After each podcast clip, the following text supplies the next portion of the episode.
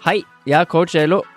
I løpet av mine ti år som coach har jeg vært så heldig å møte mange fascinerende mennesker. Dette er mennesker som er målretta, og som har en spesiell drive for å bli bedre. I denne podkasten har jeg fått sjansen til å sette meg ned med flere av disse, hvor de deler åpent og ærlig fra sin historie. Her deler de både erfaring og verktøy som er verdifulle for alle som ønsker å skape en forandring i livet sitt. Har du et mål eller et ønske om å forandre noe i ditt liv? Da er denne podkasten for deg.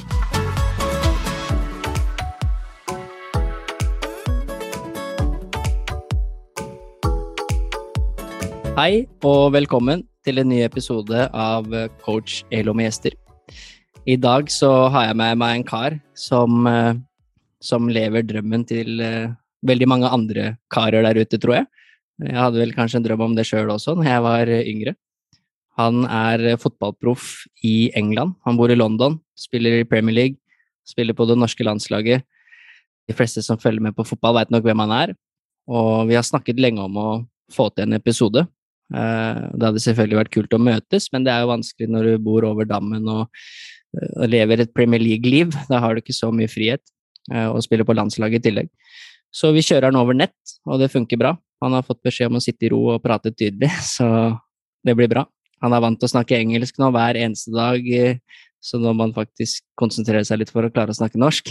Og jeg håper han klarer det. Så velkommen til deg, Kristoffer. Tusen hjertelig takk. Stort å endelig få, få være med i podkasten. Jeg har hørt eh, egentlig de fleste episodene og synes det er en utrolig fin podkast. Lite visste jeg at jeg måtte sitte og vente en time på at du skulle bli klar og klargjøre podkasten, men eh, det var eh... Det er noe som heter Elo-time, Kristoffer. Det er det mange som det er mange som har fått kjenne på det. Nei, jeg ser den. jeg ser den. Men det er, fra spøk til alvor, det har vært noen utrolig flotte episoder. Så likte veldig godt den episoden med Pellegrino, der han prater om det er litt interessante aspekter hvor det kan fungere i noen klubber og så ikke fungere i andre steder. Og så en uh, selvfølgelig litt et vanskeligere podkast å, å, høre på, men den med Østigård likte jeg også utrolig godt. Hvordan du Eh, på en måte kan eh, oppleve så eh, mye forferdelig med skader, men allikevel komme deg styrket gjennom det. og du, du, lærer deg å sette litt mer pris på hver eneste dag du får lov til å holde på med det du elsker å gjøre. Så det har vært noen veldig sterke og gode episoder. Ja, det, er jo, det syns jeg er dritkult at du hører på dem. Du er jo faktisk en av de som har sendt litt meldinger og kommentert noen episoder. Og, så det er kult at Premier League-proffer følger med litt på det vi driver med her, vi òg. Som vi er litt mindre folk som følger med på, men uh, kult at du gjør det. Og så er, det da er vi rett inne på en fun fact der, fordi du nevnte episoden til Rikke. Rikke Skiri går. Det er en veldig fin episode, jeg er enig i. Og for et par uker siden så var jeg så på, eller er et par uker siden, jeg var og så på landskamp. Jeg fikk billetter av deg, og var der inne. Og da havna jeg på plass rett bak Rikke av alle plassene på hele Ullevål, så var det rett bak henne. Og fikk jo prata litt igjen der. Jeg har jo ikke prata med henne siden podden. Og broren hennes debuterte jo på landslaget ja, i den kampen, og gjorde jo ålreit. Han gjorde en fantastisk landskamp, så det må ha vært eh, stort å sitte bak henne da. Ja, jeg tror i hvert fall familien foran på den raden der var ganske fornøyd. ja, fantastisk. Det er sånne øyeblikk man, eh, man må bare kose seg. Ja, det var morsomt. Så vi skal komme i gang litt med litt spørsmål fra Instagram og sånn, for jeg har lagt ut en spørsmålsrunde. Og det er mange som er selvfølgelig interessert i å høre hva, hvordan det er å være Premier League-proff, fordi det tror jeg det er mange som drømmer om. Uh, men før det så er vi nødt til å snakke litt om hva som skjedde i helga. Fordi da uh, var du med å filleriste Chelsea på bortebane og vinne 4-1 på Stamford Bridge. Er det ikke alle som får lov til å være med og oppleve, så jeg regner med du har noen ord kanskje å si om den opplevelsen der? Ja, jeg får, får litt gåsehud når du nevner 4-1 eh, på Stamford Bridge. Det er en, var en surrealistisk opplevelse for meg som har eh, vokst opp eh, og drømt om å spille i Premier League. Selvfølgelig, Det har vært noen store opplevelser i denne sesongen, men det å stå ute på Stamford Bridge og se at stadion tømmer seg etter 80 minutter fordi de er misfornøyde med prestasjonen til hjemmelaget, var helt, helt utrolig. De vant Champions League i fjor og stilte med fullstendig topp og lag mot, mot lille Brentford. Så det å prestere så bra som lag og faktisk personlig også var utrolig stort. Ja, det var gøy. Jeg så matchen, og det var, eh, det var morsomt. Det som du sier, du har jo faktisk nå allerede denne sesongen her, du har slått Chelsea. Du har vært med å slå mitt lag, Arsenal, helt i starten, og du har spilt 3-3 mot Liverpool, regjerende mestere, så det har vært noen store kamper allerede. Ja, det har, vært, det har vært helt utrolig. Så det, jeg merker at det er ganske stor forskjell fra den skotske ligaen, selvfølgelig. Celtic var en fantastisk stor klubb som vi kommer inn på etter hvert. Men det å komme til Premier League, den kvaliteten du møter hver eneste match, er helt utrolig. Så jeg merka veldig på det mentale etter kamper at det er mye mer sliten mentalt dagene etter match. For du kan ikke Skrur du av til eneste sekund, så skårer angrepsspilleren i den ligaen her. Så, så, enkelt er det. Så det er uh, utrolig utfordrende, men veldig lærerikt. Ja, Det tviler jeg ikke på. Det er vanvittig høyt nivå nå på de beste fotballspillerne i verden. og Det syns jeg er kult å se. Så det kommer vi, som du sier, inn på seinere. Skal snakke mye om fotball. En annen ting jeg syns er litt kult, som jeg veit ikke om du har noe veldig mye å si om det, men i fjor i EM så var det en spiller som fikk hjertestans, og det er det ganske mange som har fått med seg, da. Uh, og så har det vært mye styr, han har ikke fått lov å spille i Italia osv. Og, så og så skrev han under for Brentford nå rett før overgangsvinduet gikk ut. Og du er jo da lagkompis med Christian Eriksen, og han er jo tilbake på banen, og han ser ut som han ikke har glemt å spille fotball. Han var ålreit, han også, i de kampene han har vært med. Hvordan er det å, å spille med han? Nei, han er en av de desidert beste fotballspillerne jeg har spilt på lag med. Han uh, har en utrolig høyrefot. Han er uh, ekstremt interessert i å lære bort, som jeg synes er veldig spennende. Og så er det en veldig fin fyr. da Jeg sitter ved siden av han i garderoben. Han er en, eh, vi har en dansk gjeng i den klubben. Jeg prater jo mer norsk enn engelsk på treningsanlegget, så det er en ganske unik klubb. Så jeg tror det var veldig fint for han å komme inn i det miljøet også der alle kjenner han, alle vet hva han har vært igjennom, men det har aldri vært noe fokus i det hele tatt. Han var veldig tydelig med en gang han kom inn at uh, han er her for å spille fotball. Han er i de beste hender. Han har eh, gjennomført de operasjonene han trengte, og han er eh, klar for å spille. Så han har levert eh, helt fantastisk, og han har vært viktig for oss.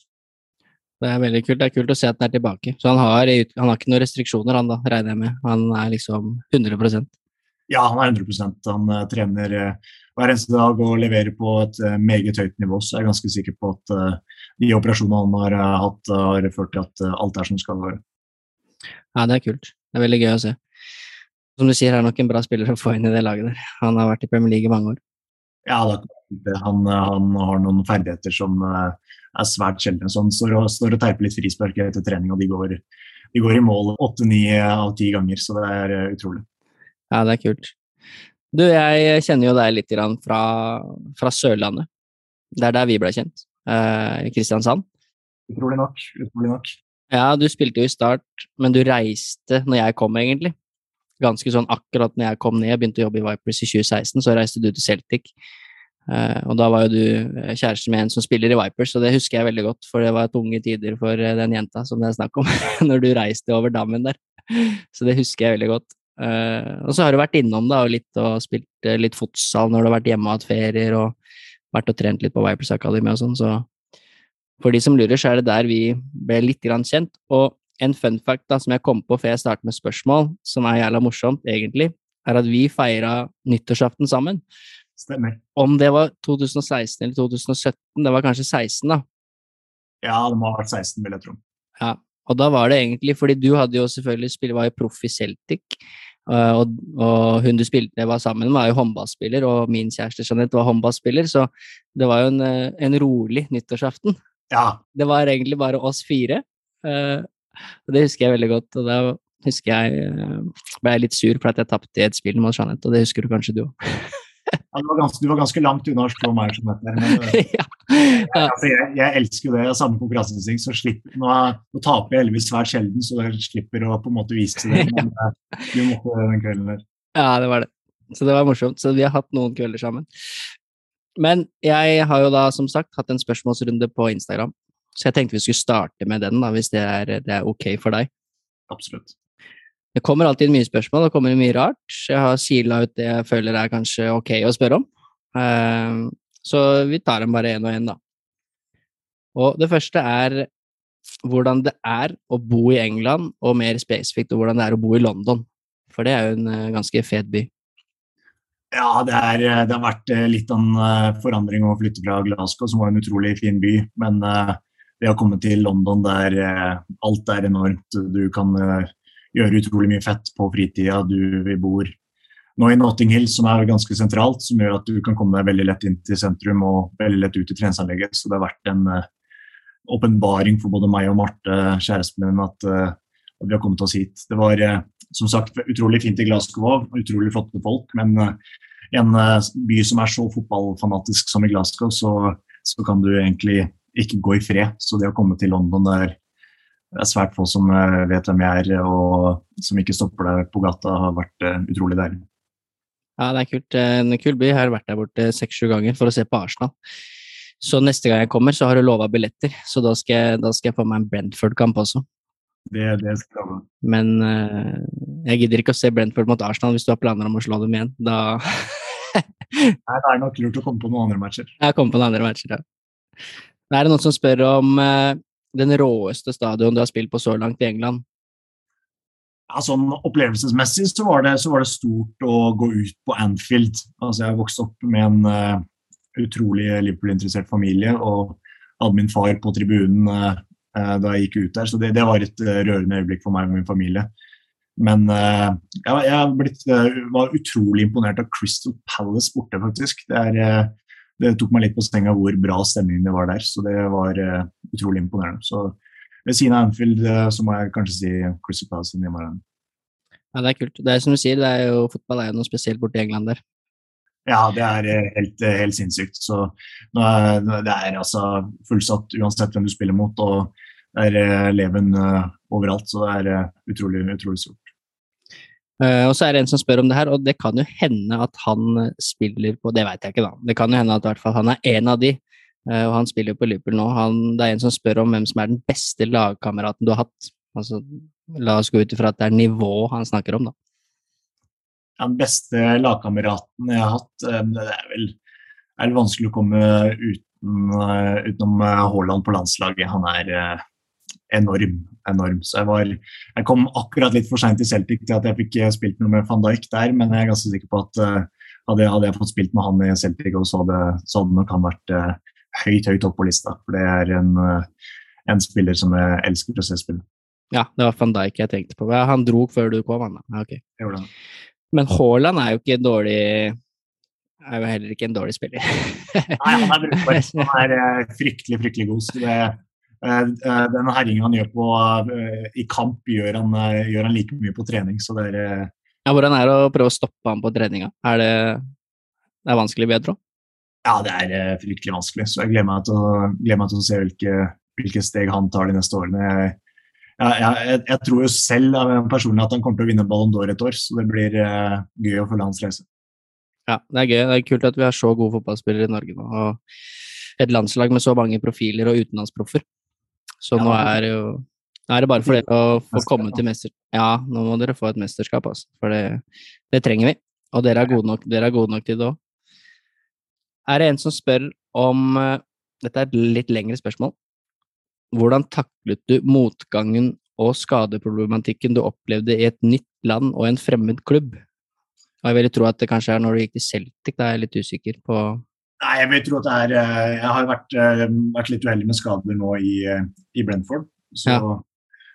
um, jeg var, har vært ute med hamstring, tre hamstringskader siden jeg kom, kom til klubben, og det var uh, vanskelig. Du, du blir henta til uh, klubben. Jeg var så heldig å være den dyreste spilleren uh, som Brentford har henta. Så det, det stilles selvfølgelig noen forventninger til det. Og så ble jeg skada i oppkjøringa, som satte meg litt tilbake. Og så fikk jeg faktisk en strekk idet jeg klarerte ballen på linja mot Liverpool uh, på hjemmebane. Og klarte å gjennomføre kampen, uh, men var ute igjen seks-sju uker da. og kom tilbake og spilte borte mot Stoke. Det skulle man sikkert ikke ha gjort, det er tøft å dra opp dit. Men da nappa de igjen i hamstringen i siste draget i siste minutt der. Så da var jeg ute i nesten ja, to, to, måneder til. Så det har vært, det har vært noen skadeavbrekk som jeg helst skulle vært foruten. Men som sagt, Brentford er en utrolig fin skandinavisk klubb som, som kjenner til hvordan slik problematikk skal gjennomføres, og hvordan de må ta vare på spillerne. Så det har vært eh, egentlig lett i en tung periode å komme seg gjennom det. Ja, du har hatt et bra, bra, team rundt deg av eh, folk som hjelper deg? Ja, det har vært utrolig bra. Så det har vært utrolig mye hard trening i den skadeperioden. Det var uh, mye kjedelige isometriske øvelser på hamstringen. Og det tok fryktelig lang tid i mitt hode, for det var en skade i en T-junction, het en, en sånn scene som jeg følte meg egentlig utrolig bra veldig tidlig, mens fysioene måtte holde meg igjen i til sammen to måneder den andre gangen, så det var utrolig frustrerende. Ja, det skjønner jeg godt. Det er jo litt tricky, de skadene der. Du føler deg, som du sier, ganske raskt bra på det meste, men så er det kanskje full sprint og akselerasjon og sånne ting som ikke funker, da. Ja. Så det er bra at de holdt deg inn. Jeg kommer til å spørre deg etterpå om noen tips der, fordi jeg har jo slitt med en hamstring selv. Jeg har jo begynt å spille fotball igjen, som vi har snakka om. Og da ja. Når du ikke har spilt fotball på fire år, da, da får du strekk overalt. Ja, Det er spennende. Det blir uh, gøy å følge deg. Hvilken klubb var du signert for? da? Jeg var Hokksund, så det er uh, kjempestor klubb i, i Drammen. Blir opprykk til tredjedivisjon, da? Ja, de er i femte, men vi bør rykke opp ganske greit i fjerde. Så får vi se hvordan det er. Ja. Men jeg spør deg om noen tips på den hamstringen der seinere. Ja, perfekt. Så er det et spørsmål at den er litt kul. Det er faktisk fra en Hokksund-spiller. Ja. Han uh, eh, prata mye om den poden her, gleda seg veldig til å høre hvordan det var. Så han lurer på hva er det beste med å være proff fotballspiller? Beste med å være proff fotballspiller er at jeg får lov til å gjøre og holde på med det jeg elsker å gjøre. Er, jeg er privilegert som får lov til å stå opp hver eneste dag og gå på jobb og gjøre noe jeg trives så godt med. Jeg skal være så ærlig og si at jeg, det er utrolig mange fotballspillere som jeg prater med som på en måte gruer seg og stresser med det de skal gjøre og dra på kamper og sånne ting. Men jeg har kommet nå til et punkt der jeg egentlig bare trives med det. Trives med å spille fotball, jeg tenker ikke for mye på konsekvenser som jeg gjorde tidligere i karrieren. Og egentlig bare nyter det at jeg har kommet hit. Jeg snakket med min mentaltrener da jeg signerte for Premier League, og vi diskuterte litt at det hadde vært utrolig synd om nå skulle komme til Premier League og så være nervøs og ligge og stresse rundt kampene. Skulle, man skal jo mye heller nå kose seg med at man faktisk har kommet dit man drømte om å komme, og, og nyte den perioden. Så det er nok det beste med å, med å være profesjonell fotballspiller. Ja, Det er bra svar. Og så gleder jeg meg til å snakke litt mer om de tingene du nevner der, med mentaltrener og hvordan takle forventninger og kan du se for meg både Celtic, da, som er en så stor klubb i Skottland som du sier, og nå i Brentford i London, Premier League, det er jo sikkert helt hinsides forventninger, og den dyreste spilleren som har signert noen gang i Brentford. og uh, Det er nok ikke bare bare å takle det, uh, alle disse forventningene, så det blir spennende å høre litt hvordan du har jobba med de tingene da, med mentaltrener. Vi skal snakke om det litt seinere. Eh, så er det noen som lurer på om du er singel. Eh, det er jo et kjapt svar. Nei, jeg er faktisk Jeg har vært så heldig å bli forlova med eh, Marte Cup fra det blide Sørlandet, så det har vært eh, utrolig hyggelig. Så det hadde jeg aldri i livet fått til uten fotballen, som jeg pleier å kødde med om. For jeg synes det er fryktelig mye finere enn det jeg er, men eh, det har vært utrolig fint. Vi bor her sammen i Notting Hill og trives veldig godt sammen, så jeg er faktisk ikke singel. Nei, det er bra. Jeg hilste jo så vidt på henne på landskampen, så virker som en hyggelig dame. Ja, hun er fantastisk. Vi kommer litt inn på henne etterpå også, der er det noen morsom historie. Det virka i hvert fall sånn uh, på noen av disse notatene du sendte meg. Og så Siste spørsmålet før vi klinker i gang med historien din. Det er, uh, det er noen som lurer på om du har hatt et idol eller en eller annen favorittspiller når du vokste opp? Jeg vokste opp, jeg vokste opp som sentral midtbanespiller uh, da jeg var yngre. Så jeg elska å se på Barcelona, og Sergio Busquets var eh, mitt store store forbilde da jeg, jeg fulgte, fulgte, med på de. Så det er, den, det er den drakta jeg har fått tak i etter kamp som jeg er mest fornøyd med. Eh, løp bort til han etter eh, Spania-kampen på hjemmebane der vi spilte vel 1-1 der. Så fikk jeg et, huka tak i drakta hans. Det var, den henger på veggen hjemme. Ja, det er et kult eh, svar. Ikke, jeg hadde ikke tippa Sergio Busquets som favorittspiller. Det hadde jeg ikke. Ikke at han ikke er god, han er fryktelig god midtbanespiller. Men det kan jo hende noen hadde løpt bort til Ramos eller noen andre også i den kampen der. Ja, helt klart. Ramos er eh, en av de beste midtstopperne noensinne, så det er klart det hadde vært naturlig å løpe bort til han. Men det var eh, guttungen i meg som tenkte på alle de timene jeg satt og så på han før fotballkampene jeg spilte da jeg var yngre i Lillestrøm, så det var, var kult å få tak i drakta hans. Ja, det er, det er eh, kult at du har den. Da skal vi gjennom historien din, og det gleder jeg meg til. Det er noen veldig, veldig spennende punkter. Alt fra selvfølgelig hvem du er og hvor du har vokst opp og sånn, men også litt i forhold til prestasjon, det å komme til nytt land, ny klubb, forventninger, mentaltrener, motgang, skader, disse tingene som veldig mange idrettsutøvere på høyt nivå opplever. Eh, det opplever du også når du er Premier League-spiller, så det blir gøy å høre deg snakke litt om det. Så vi skal jo begynne litt egentlig bare med hvor du er fra, og når du begynte å spille fotball og sånn. Du er jo opprinnelig fra Rælingen. Stemmer. Så det er egentlig opp til deg hvor den historien begynner der. Nei, altså jeg, jeg kommer jo fra Rælingen. Det er et uh, lite sted utenfor uh, Lillestrøm. Så uh, jeg, jeg, vokste opp der med mine, mine foreldre og mine to eldre søstre. Jeg er jo en voldsomt attpåklatt. Jeg er jo 11 og 13 år yngre enn mine søstre, så jeg har jo egentlig følt meg som et enebarn hele oppveksten. De flytta til Sørlandet da jeg var åtte år. Da var de flytta ut, så jeg har vært utrolig tett med mine, mine foreldre. Men jeg begynte jo, begynte jo, å spille fotball veldig tidlig. Det, det, var den store fordelen jeg hadde av yngre. Min far er, var interessert i å få en eh, sønn som spilte fotball, og jeg elska å spille fotball. Så han meldte meg på et lag som het Løvenstad eh, da jeg var fire og et halvt år gammel. Så jeg fikk jo halvannet år på Løvenstad før mine jevnaldrende begynte å spille i Rælingen. Så det var en, en kjempefordel eh, personlig. Jeg var jo fysisk eh, ekstremt tidlig utvikla. Så det at jeg da også fikk spilt halvannet år fotball før mine kamerater begynte å spille fotball, gjorde at jeg var veldig langt framme da jeg begynte. Så jeg, jeg har egentlig aldri ansett meg sjøl som noe særlig fotballtalent. Eh, kanskje litt dumt å si når du har kommet eh, dit jeg har kommet, men jeg har egentlig bare trent eh, ekstreme mengder. Jeg har hatt et apparat rundt meg fra veldig tidlig alder som har støttet meg og ønsket at jeg skal oppnå det jeg har lyst til å oppnå. Eh, og så, så, har jeg trent eh, som sagt eh, utrolig hardt for å, for å, nå dit. Så det begynte jo egentlig da jeg var seks år, så begynte jeg å spille fotball. Vi hadde første seriekamp mot uh, Ullskisa. Og uh, jeg hadde spilt halvannet år, og det, det hadde ikke Ullskisa, for å si det sånn. Så jeg var uh, sto klar, og vi vant vel 30-0 borte mot Ullskissa. Og min Min far var uh, eh, trener for laget, og han uh, sa til meg i bilen på vei til kamp at uh, måtte love at de fire andre vi spilte jo femmerfotball, at de fire andre spillerne skulle skåre et mål hver. Så de fikk seg et mål hver, og så skåra jeg deres resterende 26 mål. Så det var, det var ganske, ganske sinnssykt, da. Men som sagt, jeg hadde jo en kjempefordel med at jeg hadde spilt så lenge på Løvenstad tidligere.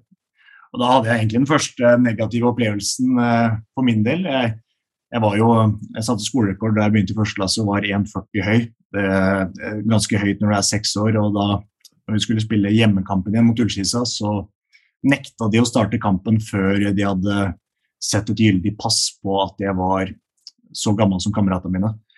Og når du, når du, er ekstremt høy i ung alder, så er, du, så er du veldig Eh, du vet selv at du er utrolig høy, og jeg, jeg sleit litt med å være så høy òg. Du ser kameratene dine og du føler deg litt utilpass.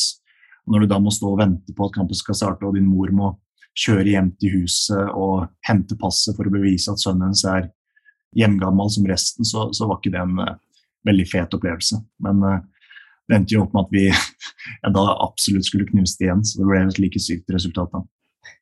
Ja, det skjønner jeg. Det er jo kanskje litt det med at uh, oppleve at du er annerledes da, når du er barn. Det er jo utfordrende uansett hva det måtte være, at du liksom skiller deg ut fra alle andre. Men uh, hvordan var det etter det? det? Hadde du flere sånne type opplevelser? Det...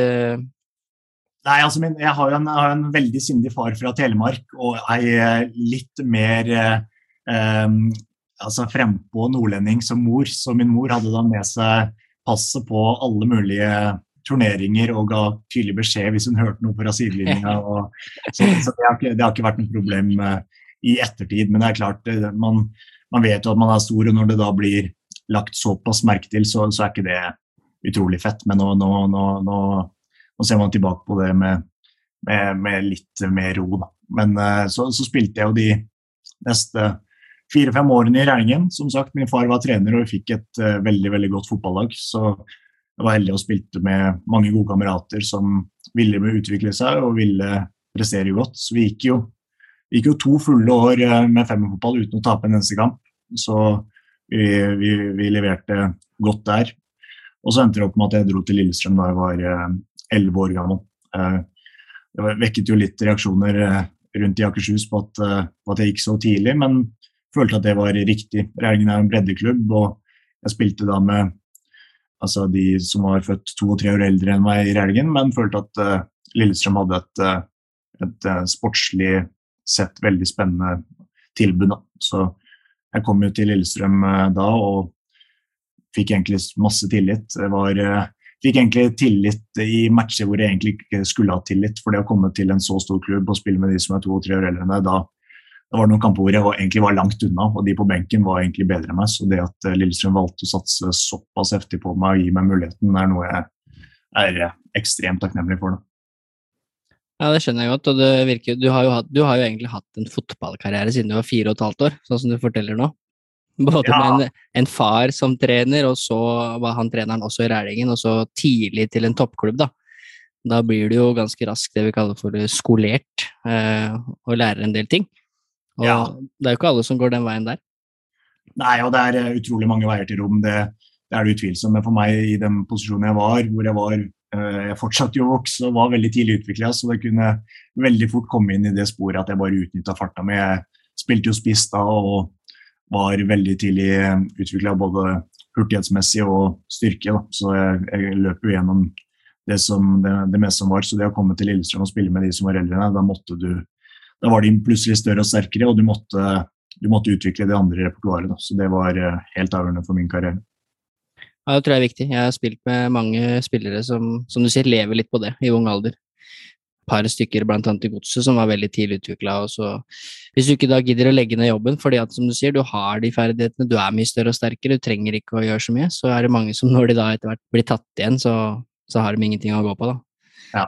Det var jo, altså, Rælingen er jo en fantastisk eh, klubb, men det var jo en veldig breddeklubb. Siste turneringa jeg spilte før jeg dro til Lillestrøm, var Norway Cup. Jeg er G13 Norway Cup, og da Eh, hadde vi et par, tre, fire gode spillere, men det var eh, såpass bredde at vi eh, kom til 32-delsfinalen i A-sluttspillet og skulle møte Skeid, som var storfavoritter til å vinne hele turneringa. De møtte opp og forberedte seg på de, de videre rundene, og vi møtte opp 10-15 minutter før kampstart. og eh, Vi leda 4-0 etter ni minutter og slo de ut 4-3. Eh, og Det var jo spektakulært for vår del, men vi, var såpass brede lag at vi, da vi dro opp på, opp på sletta og røk mot Bjørkelangen i 16-delsfinalen, så det, det, var, det, var, ikke akkurat sånn at vi var et, eh, en toppklubb. Så, så, for meg så var det veldig viktig å Jeg hadde ambisjoner, hadde lyst til å gå så langt som over, overhodet mulig, og da å komme til en eh, såpass flott klubb som Lillestrøm var, var veldig viktig. Ja, og Det er også litt morsomt hvordan man husker uh, sånne ting som det. 32-delsfinalen i Norway Cup når du er 11 år. Det er jo ikke alle som uh, Det er rart hvordan sånne minner også sitter igjen. For fotball ja, handler jo mer om nivå, liksom. Det handler jo mye annet òg. Jeg husker jo vår beste midtbanespiller på Rælingen. Han eh, møtte opp i Crocs tre minutter før kampstart, og da hadde Skeid kjørt lang oppvarming og var forberedt på hva som ville vente av Bjørkelangen i neste kamp. Så det, det var, det var, noen sjokkerte fjes da vi gikk opp til 4-0 der. Eh, og Det, det forsto vi ikke sjøl ellers. Det, det, er de, det, er jo de, øyeblikkene man ser tilbake på med et smil om munnen. Så det var, eh, det var fantastisk. Ja, det er gøy. Men du, som du sier, du gikk jo til eh, Lillestrøm og spilte der en god stund. Og så har du trent mye, du har aldri ansett deg som talent, som du sier. Nei. Og når man blir litt eldre, så kommer det jo sånne type ting som kretslag og landslag og juniorlandslag og sånne ting. Eh, og der har du jo sagt at den første litt sånn eh, nedturen din er jo når du ble utelatt fra G16-landslaget. Så det kan du få fortelle litt om, da. Ja, jeg, nei, jeg var jo med på alt som var av sone og kretslag, og var, var, eh, tidlig med der. Og var med på eh, landslagssamling fra jeg var G, G15, og så skulle det tas ut et, et G16-landslag. Det skulle tas ut et 97, jeg er født i 98, så skulle det tas ut et 97 første lag og sett 97 andre lag hvor det skulle være halvparten var 98 gutter i en sånn nordisk turnering. Og Da ble, ble jeg utelatt. Det var eh, første eh, store nedturen, eh, nedturen, min. Jeg hadde ikke opplevd noe eh, å bli satt til side for den, før den gang, og det var noe jeg takla utrolig, utrolig dårlig. Den dag i dag så er jeg fortsatt uenig i uttaket, men det, det, spilte, det spilte, jo veldig liten rolle. Det, den dagen. Men jeg husker at jeg var på hytta en varm sommerdag og eh, så uttaket hos en kamerat og endte opp med å bare, bare, dra hjem. Jeg var så forbanna. Og så kom jeg hjem. Min far var jo like forbanna, for han, eh, han var jo like, like, uenig som meg. Men da tok jeg på meg joggeskoa, og så hadde vi en lang lang bakke rett ved hytta. Jeg husker at jeg bare stelte meg opp i bunnen av bakken og løp opp og ned og opp og ned opp og ned og var så fly forbanna. Og min hørte min nordnorske mor ropte fra, fra hytta at uh, min far måtte gå ut og, og, få dratt meg inn, da, for det var helt hinsides det jeg gjorde.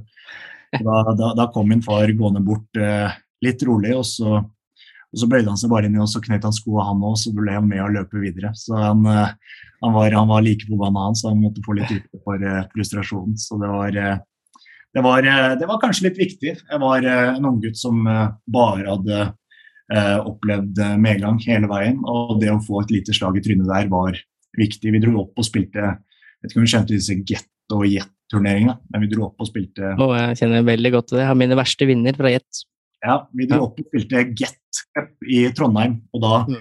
eh, var egentlig de fleste de, av de som var tatt ut på landslaget i 98 på 97-landslaget, de hadde blitt plukka ut av Strømsgodset til å være med på den turneringa. Og da møtte vi Strømsgodset i semifinalen med G16-landslagstreneren på tribunen. Eh, og da var jo Ødegaard helt fantastisk. og de andre spillerne som eh, feilaktig ble tatt ut, var også og spilte på Strømsgodset der. Eh, og vi endte opp med å slå de 6-1. Og hver eneste Dette sier jo litt om hvor forbanna hvor dårlig jeg tak, takla det å oppleve motgang. Men hver eneste gang vi, vi skåra, selv om jeg ikke var i nærheten av å være med på skåringa, så løp jeg bort til G16-landslagstreneren og jubla opp til han. Så når, når jeg ser tilbake på det nå, så er det jo utrolig kleint det jeg gjorde, men det føltes riktig der og da. Det, det, var, ja, det var litt godt å, å slå godset den kampen der. Ja, Det er ikke noe tvil om at du kommer fra en familie, da, i hvert fall en far, som eh, har eh, konkurranseinstinkt og virkelig har et eh, like stort ønske som deg eh, om at du skal bli god til å spille fotball.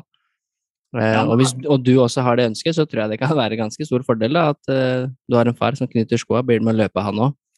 Det har alltid vært utrolig, et utrolig behagelig forhold med meg og mine foreldre. for både min mor og far har vært veldig tydelige på at hvis, hvis, du spiller fotball, så skal vi hjelpe deg med alt. Vi skal sørge for at du får akkurat de rammene du trenger for å utvikle deg.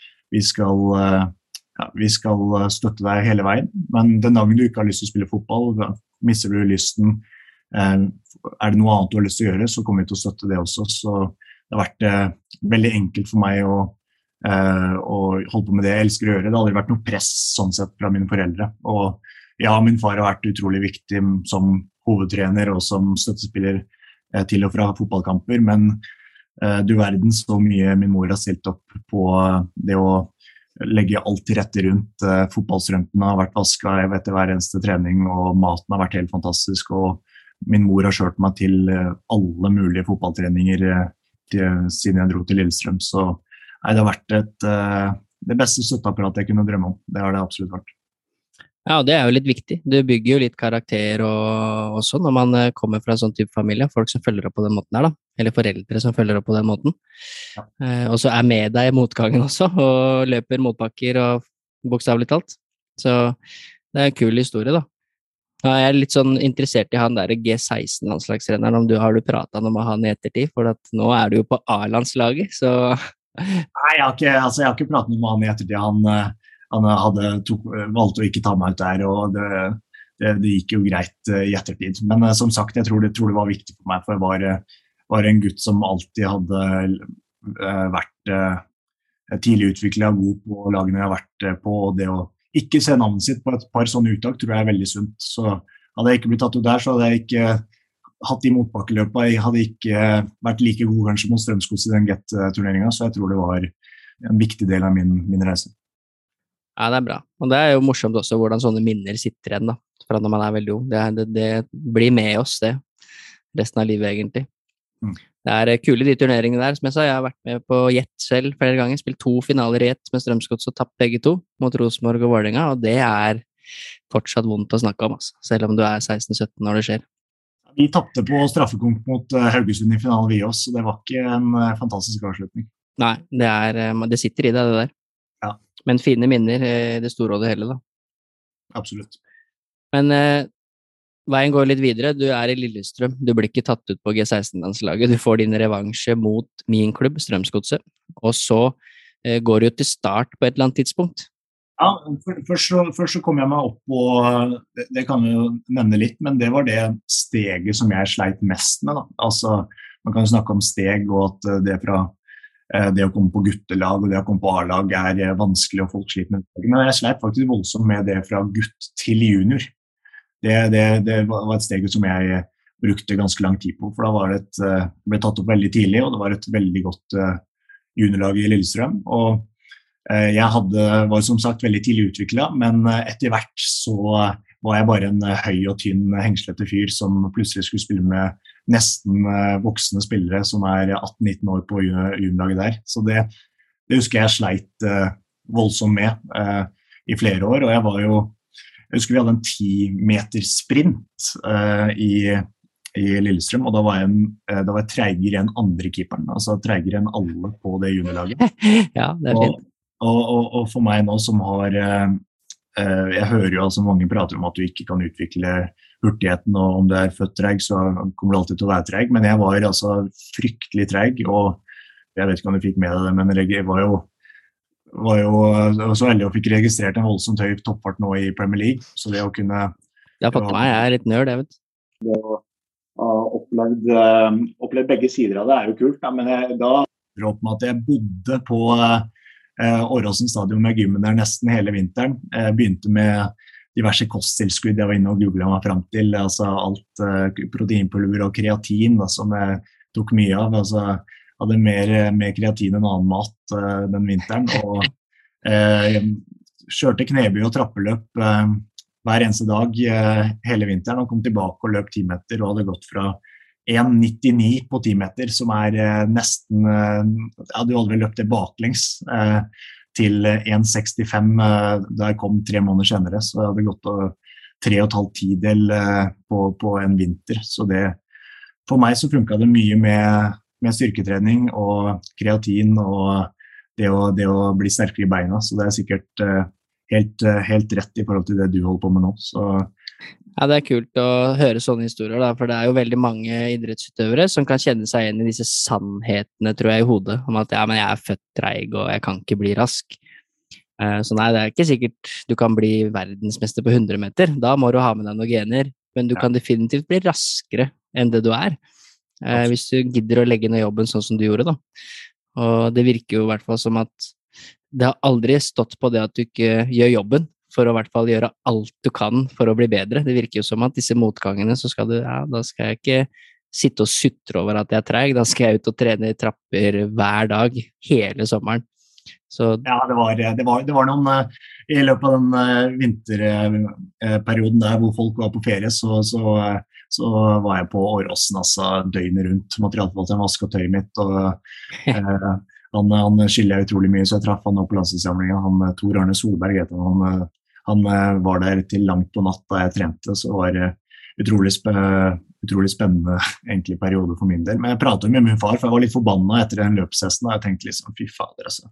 Jeg har trent så mye, og så er jeg så jævlig treig, liksom. Hva er det som skjer? Og da da var jo min far også veldig undrende på det. da. Og, men han kom jo fram til at han nå var drittreig, men i en periode hvor han faktisk hadde trent mye styrke på beina og trent litt hurtighet, sånn, så hadde han faktisk blitt rask sjøl. Så han foreslo å, å teste ut sjøl. Det viste seg at uh, vi hadde ganske like gener der, så det, det funka.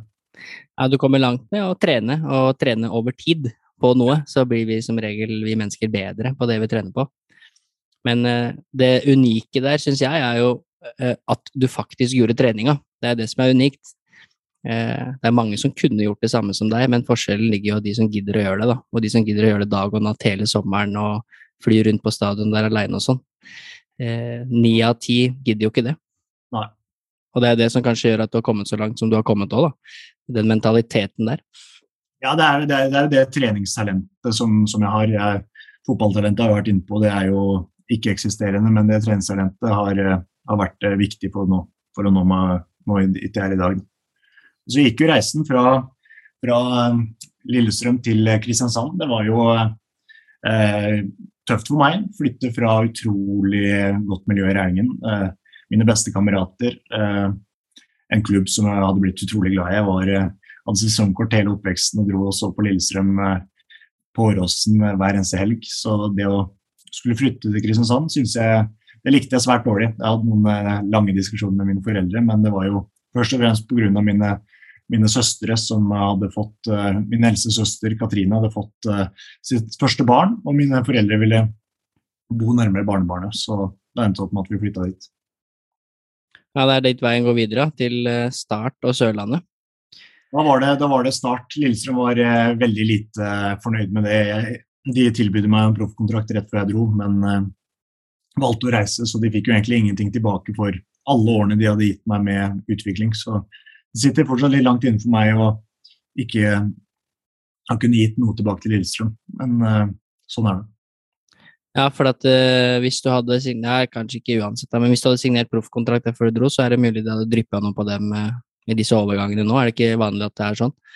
Jo, det drypper vel noe ut, uh, eller et eller annet, men det har ikke vært i nærheten av nok. Nei. Nei, så, så, veien gikk jo til, til, Start og Sørlandet, og det var jo greit. Jeg skulle begynne på videregående, begynte på KKG, som var en veldig fin skole, og fikk jo spilt i Start med en gang det var lov at jeg kunne spille med overgangspapirer. Så nei, det var uh, utrolig stort å debutere i Eliteserien. Ja, det gjorde du jo i relativt uh, ung alder der nede.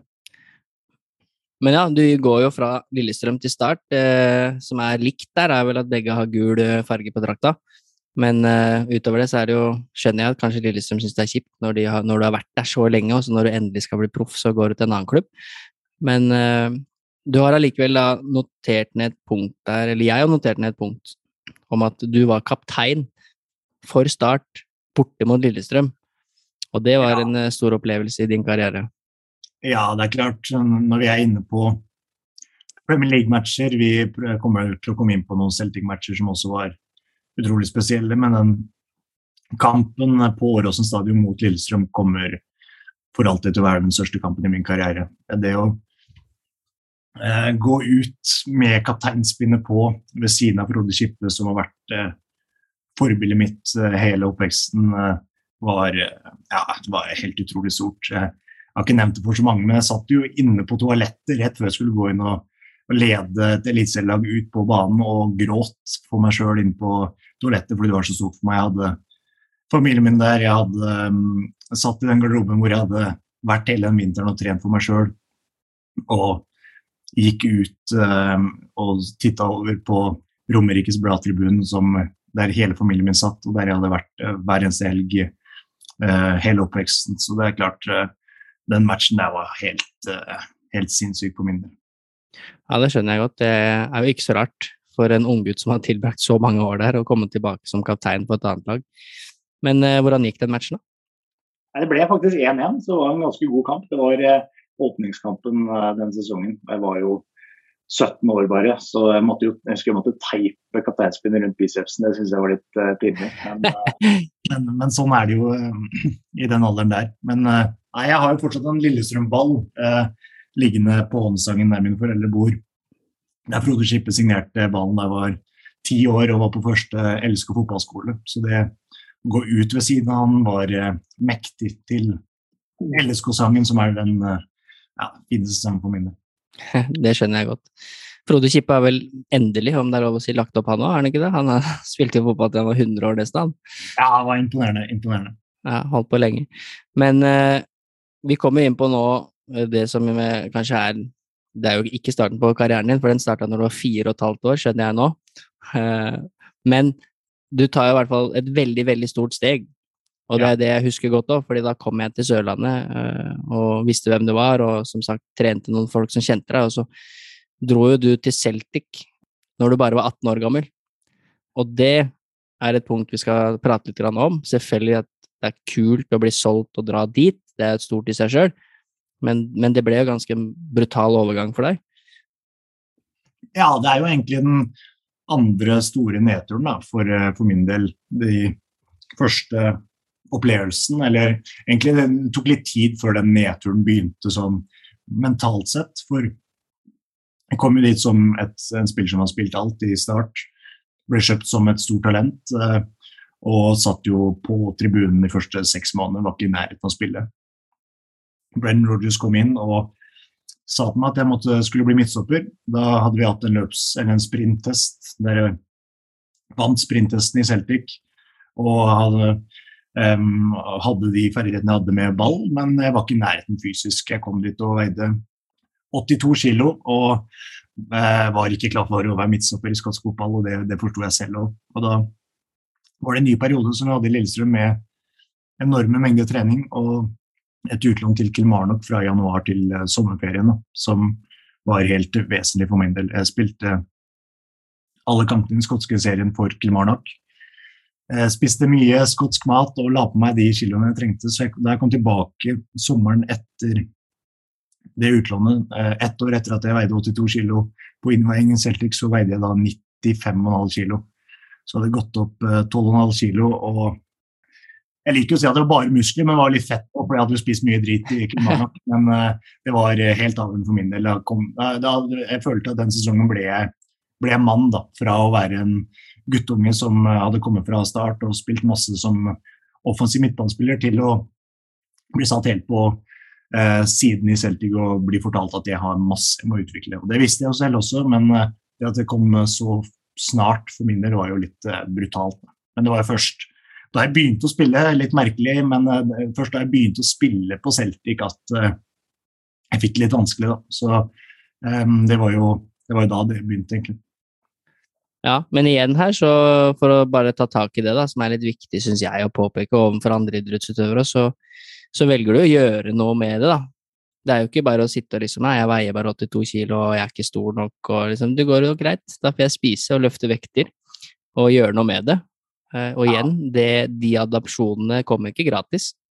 Eh, å gå opp 12 kilo på en relativt sunn måte, det koster. Så du gjør jo igjen her jobben, da, for å ta det steget der. Ja, jeg var jo, var jo med Colo Toré i Celtic på den tida der, en uh, legende som virkelig uh, kom med noen gode råd og som fortalte meg om uh, hvor mye man måtte trene. Og han tok meg med til gymmen og viste meg noen øvelser og hjalp meg utrolig mye. Så jeg har vært veldig heldig med folk jeg har hatt rundt meg som, har, som er veldig kompetente og som forteller meg hvordan man kan utvikle seg best mulig. Men Celtic var en, en enormt viktig klubb for min del, men også en, en, klubb som på en måte stiller enorme krav. og Det var den største forskjellen meg, for meg fra Norge til utlandet. og Det er det jeg sier til alle som spør liksom, hva er den største forskjellen. Det er at i Norge så er alt utrolig greit. Folk tar vare på deg. Eh, uansett om du er på kaptein på laget eller er mann nummer 27 i troppen, så, så, så, er det utrolig sosialt og hyggelig å være på trening. Men uh, i utlandet så er det en konkurranse. Det er uh, kamp om plassene, det er kamp om bonuser, kamp om ny kontrakt. Da går du ut kontrakten din, og så må du flytte hjem igjen. Så du må virkelig brette opp ermene og, og, kjøre på sjøl, og det var det, det var det, jeg valgte å gjøre. Jeg var jo alene, alene i Glasgow, så hadde jeg jo fryktelig mye fritid. Ja, og det er som du sier, når du da først hadde faktisk gått opp noen kilo, vært på utlån, spilt deg inn på laget, eh, så kom det jo nye utfordringer. Eh, og du har jo skrevet her at du at det selvfølgelig at det var tøft i Celtic, men at du også etter hvert begynte å oppleve litt sånn søvnvansker og sleit en del med det. Eh, ja. Og, og, det er jo også her du kobler på da en, eh, en mentaltrener, og sånne ting syns jeg alltid er interessant å prate om. da. Ja, det, dette er utvilsomt. Jeg har jo vært uh, utrolig heldig i løpet av min karriere og mitt liv at jeg har sluppet unna utrolig mye um, motgang, men den perioden her som kom nå, da var den desidert tøffeste, utvilsomt. Jeg, jeg kom, eh, kom, tilbake som sagt fra Kilmarnock. Satt på benken litt, men jeg følte at det var mye nærmere spilletid. Og så til slutt så, så fikk jeg muligheten. Jeg fikk muligheten hjemme mot Rosenborg i Champions League-valg, som er altså Champions League-valg er alt for klubben, fordi de må i forhold til det økonomiske så får de masse penger på å kvalifisere seg, så jeg visste viktigheten av det. Så, så egentlig ble jeg grepet av det at jeg plutselig var inne på, inne på matta der. Det, å gå fra Sør Arena, der det er 3500 sørlendinger som klapper om du taper eh, eller syns det er helt greit, og uh, om du vinner, uh, til Glasgow og Celtic, der det er 65 000 uh, på tribunen. Hele byen prater om fotball, og de kommer rett bort til deg om du har vært ræva og forteller deg det rett foran deg. Um, det takla jeg veldig dårlig, rett og slett. sosiale medier takla jeg dårlig. Det å få kritikk og Eh, det greiene der var noe jeg sleit med. Jeg hadde aldri, hadde aldri fått kritikk. Eh, jeg hadde flytet gjennom det meste fotballmessig i Norge. Og det å plutselig spille på et lag der eh, rampelyset var så mye på det, og egentlig føle at man er den svakeste spilleren på laget. Da. For det følte jeg at jeg var da jeg var 19 år og plutselig fikk muligheten. Bare at ok, jeg er inne på laget, men et feiltrinn her, så er jeg ute, på, ute av laget igjen. Så det var noe som stressa meg ekstremt mye, og noe jeg prata veldig lite om til, til uh, til noen, egentlig. Men det å ligge natta før kamp og tenke på at fy faen, altså jeg gleder meg til kamp, men jeg må levere, ellers så er jeg ute av det. For jeg hadde jo gått et år og drømt om å komme inn på dette laget, sett på Celtic Park hvor sinnssykt fett det er å spille i kampene. Og det å da plutselig være og spille, det var noe som gikk inn på meg. Så det var jo altså et voldsomt stress, og det påvirker jo søvnen. Så det var tre-fire måneder hvor jeg ikke sov nesten i det hele tatt. Og på det verste så måtte jeg jo ha jeg husker det var noen kamper, for jeg spilte jo alt. Klubben vil jo at du skal spille, og du, det gikk utrolig bra. Selv med mye stress og lite søvn, så er det utrolig hva kroppen klarer å pushe seg gjennom. Da. Men det var jo en periode hvor jeg på en måte måtte ha to søvntabletter natta før kamp for å i det hele tatt sove greit eh, natta før match. Så det er klart da er du litt groggy når kampen starter, så det var jo en periode som ikke var sunn i det hele tatt. Til slutt så sier du stopp, da. Som de gjorde for meg også, hvor jeg med stress i lang, lang tid, så, så, ble det, så, ble det, litt tungt etter hvert. Og jeg trengte en liten periode hvor jeg måtte liksom puste litt, lære noen teknikker. Og det var jo da jeg kom i samtale med denne mentaltreneren eh, Louise, som er eh, fantastisk eh, dyktig. Og hun lærte jeg mange, mange teknikker av. Og det er det noen teknikker og ting du har lyst til å dele, eller hvordan type ting dere jobba med for å håndtere dette stresset og alle forventningene og det ikke få sove og For det tror jeg er veldig interessant for mange der ute, da.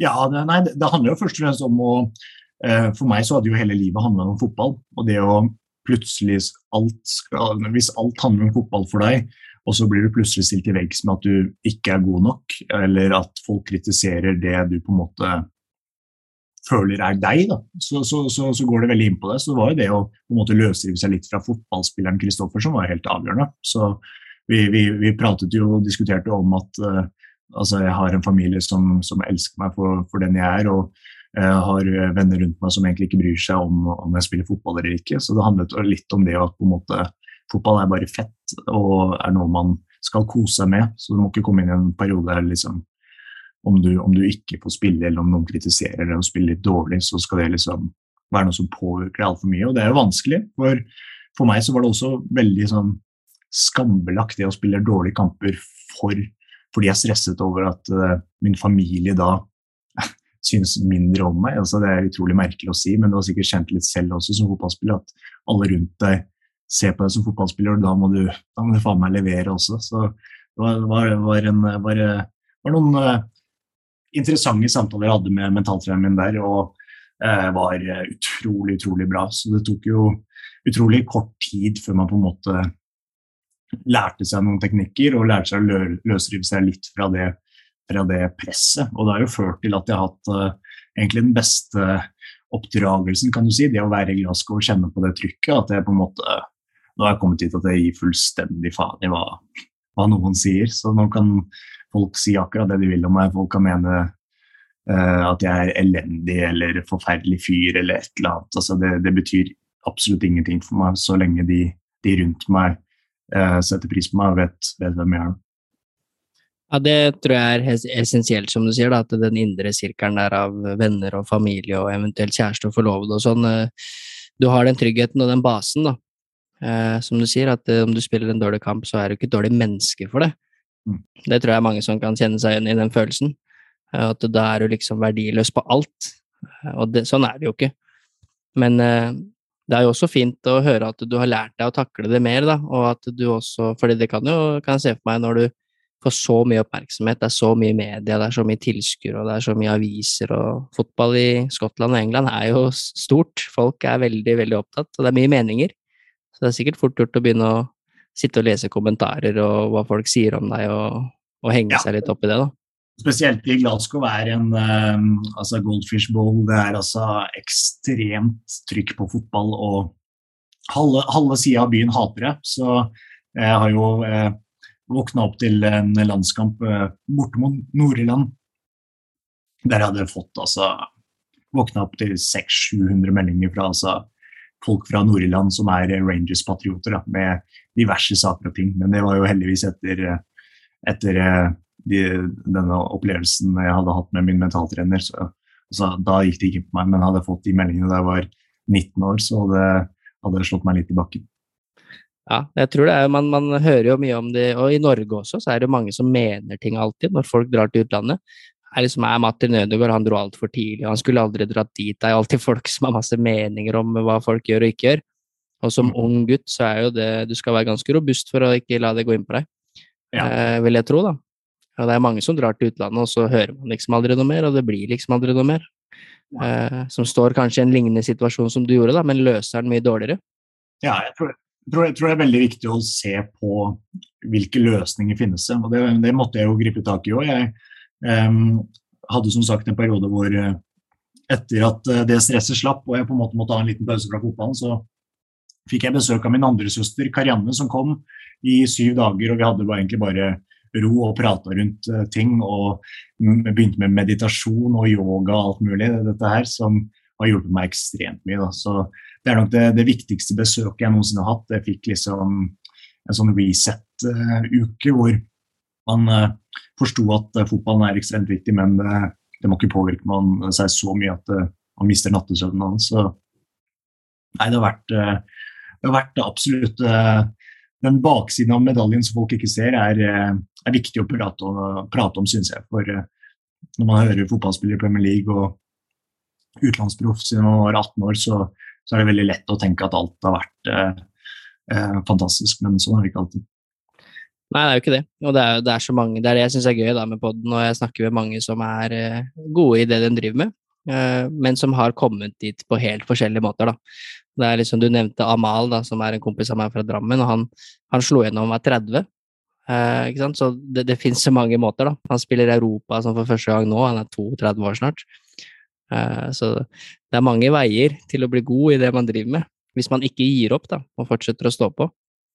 Det syns jeg er kult, men dette løste du. Bruker du den mentaltreneren nå enda? Kanskje ikke like hyppig, da, men er det noen samtaler av og til, eller er du Ja det er um, samtaler uh, nesten hver uke før match, hvor vi bare går gjennom matchen og uh, ulike, ulike, fokusområder uh, til morgendagens kamp. Så bruker jeg henne støtt og stadig. Men det er jo klart, jeg har jo Eh, blitt voksne og lært utrolig mye. Så det er ikke, er ikke de samme utfordringene i hverdagen som jeg hadde i den, i den korte perioden i Celtic. Da. Men det var eh, som sagt en eh, eh, fantastisk læring for meg. Det er en periode jeg ikke, som jeg ikke ville vært foruten de tre-fire månedene der, som selvfølgelig høres veldig kort ut for, for mange, men når du ligger våken ja, hele natta egentlig og bare ligger og tenker på neste trening og neste kamp at du må prestere, så, så føltes det utrolig utrolig tungt ut for min del. Men uh, hun var viktig. Ja, Det er bra. Kult å høre at du bruker den enda på kanskje en litt annen måte, men at du fortsatt benytter deg av det for uh, å ha riktig fokus og forberede deg mentalt. da. Ja. Det er nok uh, et tips mange der ute kan benytte seg av. Jeg kjenner mange som bruker mentaltrener, som er, driver med idrett på høyt nivå, og det syns jeg de fleste burde gjøre. men Det er mange måter å gjøre det på, men det tror jeg er smart. Det er jo sånn når du var der borte, så fikk deg etter hvert dame. Jeg har jo fulgt med på karrieren din hele veien, eller sånn altså Instagram, Facebook og så videre, og liksom hele tiden bare sett. Og så fikk du jo dame etter hvert, og du forlova deg også for ikke så lenge siden. Yes. Det er kult. Uh, og så er det en litt morsom historie for uh, hvordan du uh, fikk data hun da, for hun ville ikke gå på date med deg. Nei, hun var, ikke, hun var ikke, interessert i det hele tatt. Uh, visste som sagt altså, ingenting om fotball, så det trumfkortet der var jo helt ubrukelig. og spurte henne om hun ville være med på date en eh, tre-fire ganger. og Hun er jo sørlending, så hun sa litt høflig at hun var eh, opptatt i de tidspunktene jeg spurte henne. Men uh, så hadde jeg fått med meg at hun gikk på NHH, og at hun var med i en sånn tennisklubb.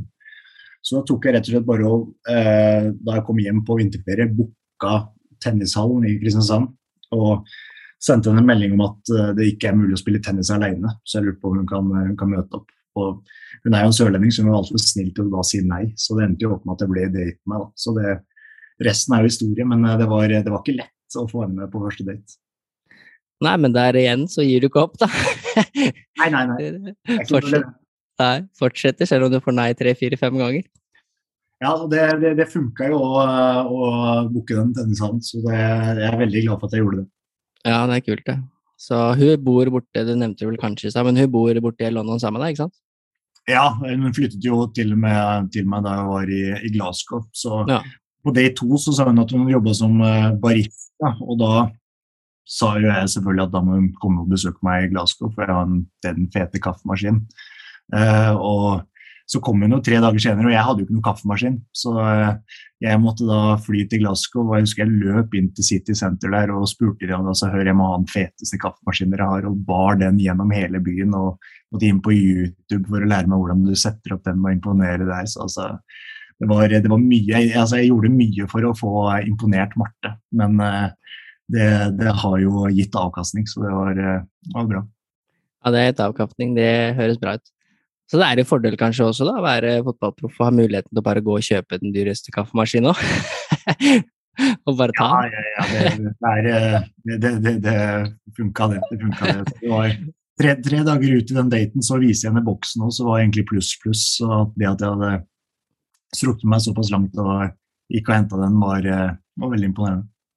Ja, det er kult. Det er en kul historie, men uh, fra litt spøk til alvor, da, har det uh, hatt mye å si for deg også? Liksom ha med kjæresten sånn når du flytter Du blei mer robust etter hvert, som du sier, og eldre og sånn, og sånn personlig, og det er jo kanskje det aller viktigste, men å ha med seg dama si rundt, da, for det er jo sikkert kvelder hvor du syns det er kjipt å ha tapt kamper og, og så videre. Ja, det, det, i begynnelsen så var det veldig, det var veldig viktig for meg. Hun gikk på NHH, så på henne så var det helt uh, håpløst å skulle skulle slutte der. Så hun drev jo fløy fram og tilbake en periode. Men så kom jo denne korona som gjorde at hun, hun måtte være hjemme. Og da, da, var hun like så godt med meg i, i Glasgow. Så da eh, Det hjelper jo som sagt. Det å kunne komme hjem til noen som ikke vet noen ting om fotball, er utrolig deilig. Det å eh, slippe å komme hjem og bli kritisert for at man satte oppheva offside-fella, det, det, er noe jeg er veldig glad for at jeg slipper å, slipper å gjøre. Så Marte lærer mer og mer om fotball, men hun er fortsatt på et nivå som jeg syns er utrolig behagelig. Da. Ja, det er jo kult at dere, hun egentlig ikke er så interessert i det du driver med. Det er jo litt fascinerende. Ja, det liker Men eh, det er kanskje sunt, som du sier òg, å prate om andre ting også, ikke bare fotball. ja, jeg tror, det, jeg tror, det, er veldig, veldig bra. Så nei, hun, hun har vært uh, helt uh, outstanding. Så da, da, da, overgangen skjedde til London nå, så var det hun som uh, fiksa alt. Jeg dro rett på oppkjøring. Hun pakka sammen alt i Glasgow, fikk flytta tingene til London, fant leilighet og ja, ordne alt her. Og så er hun, hun er en eh, ekstremt viktig del av dette laget. Ja, Det er kult. Og der sier du det. Du var jo Celtic og har jo fortalt litt om det nå. Eh, og tok jo en del grep. Kult det. Alt fra å gå opp tolv kilo til å takle litt motgang, skaffe deg en mentaltrener. Eh, I tillegg legge inn en innsats for å få hun dama du vil ha. Og det er mange greier som skjer der. Så skal det jo sies at det å det å spille fem år i Glasgow, det er jo svært få som kjenner til Celtic eh, og, og det å spille der. Men jeg har noen øyeblikk der og noen eh, kamerater og noen kamper der som ja, kommer helt sikkert til å være noe av det sykeste jeg har opplevd i min karriere. Det å gå ut på Celtic Park uh, er altså ubeskrivelig. Det, det, er umulig å kommunisere til hverandre på banen. og uh, Opplevelsene der var uh, en guttedrøm. Så etter de tre månedene hvor jeg fikk kontroll på det å beherske det presset som var eh, i Celtic, så er det eh, opplevelser som eh, jeg alltid kommer til å huske. Så den, den, klubben er spesiell. Så jeg anbefaler virkelig å dra på en eh, Celtic Rangers-kamp om du ikke har vært det. Jeg har ikke vært det, men det er mye folk. Og det er mye galskap der, ser det ut som, så det er sikkert veldig moro. Han du nevnte i stad, Amal Pellegrino, han skåra jo bortpå der for ikke så lenge siden. Slo ut Celtic av uh, Europacupen, og det er sikkert en kul opplevelse, vil jeg tro. Ja, det var det. Men du blir jo etter hvert eh, tatt ut på landslag, altså A-landslaget til Norge. Eh, det blir etter hvert mye prat om at du er aktuell for større klubber.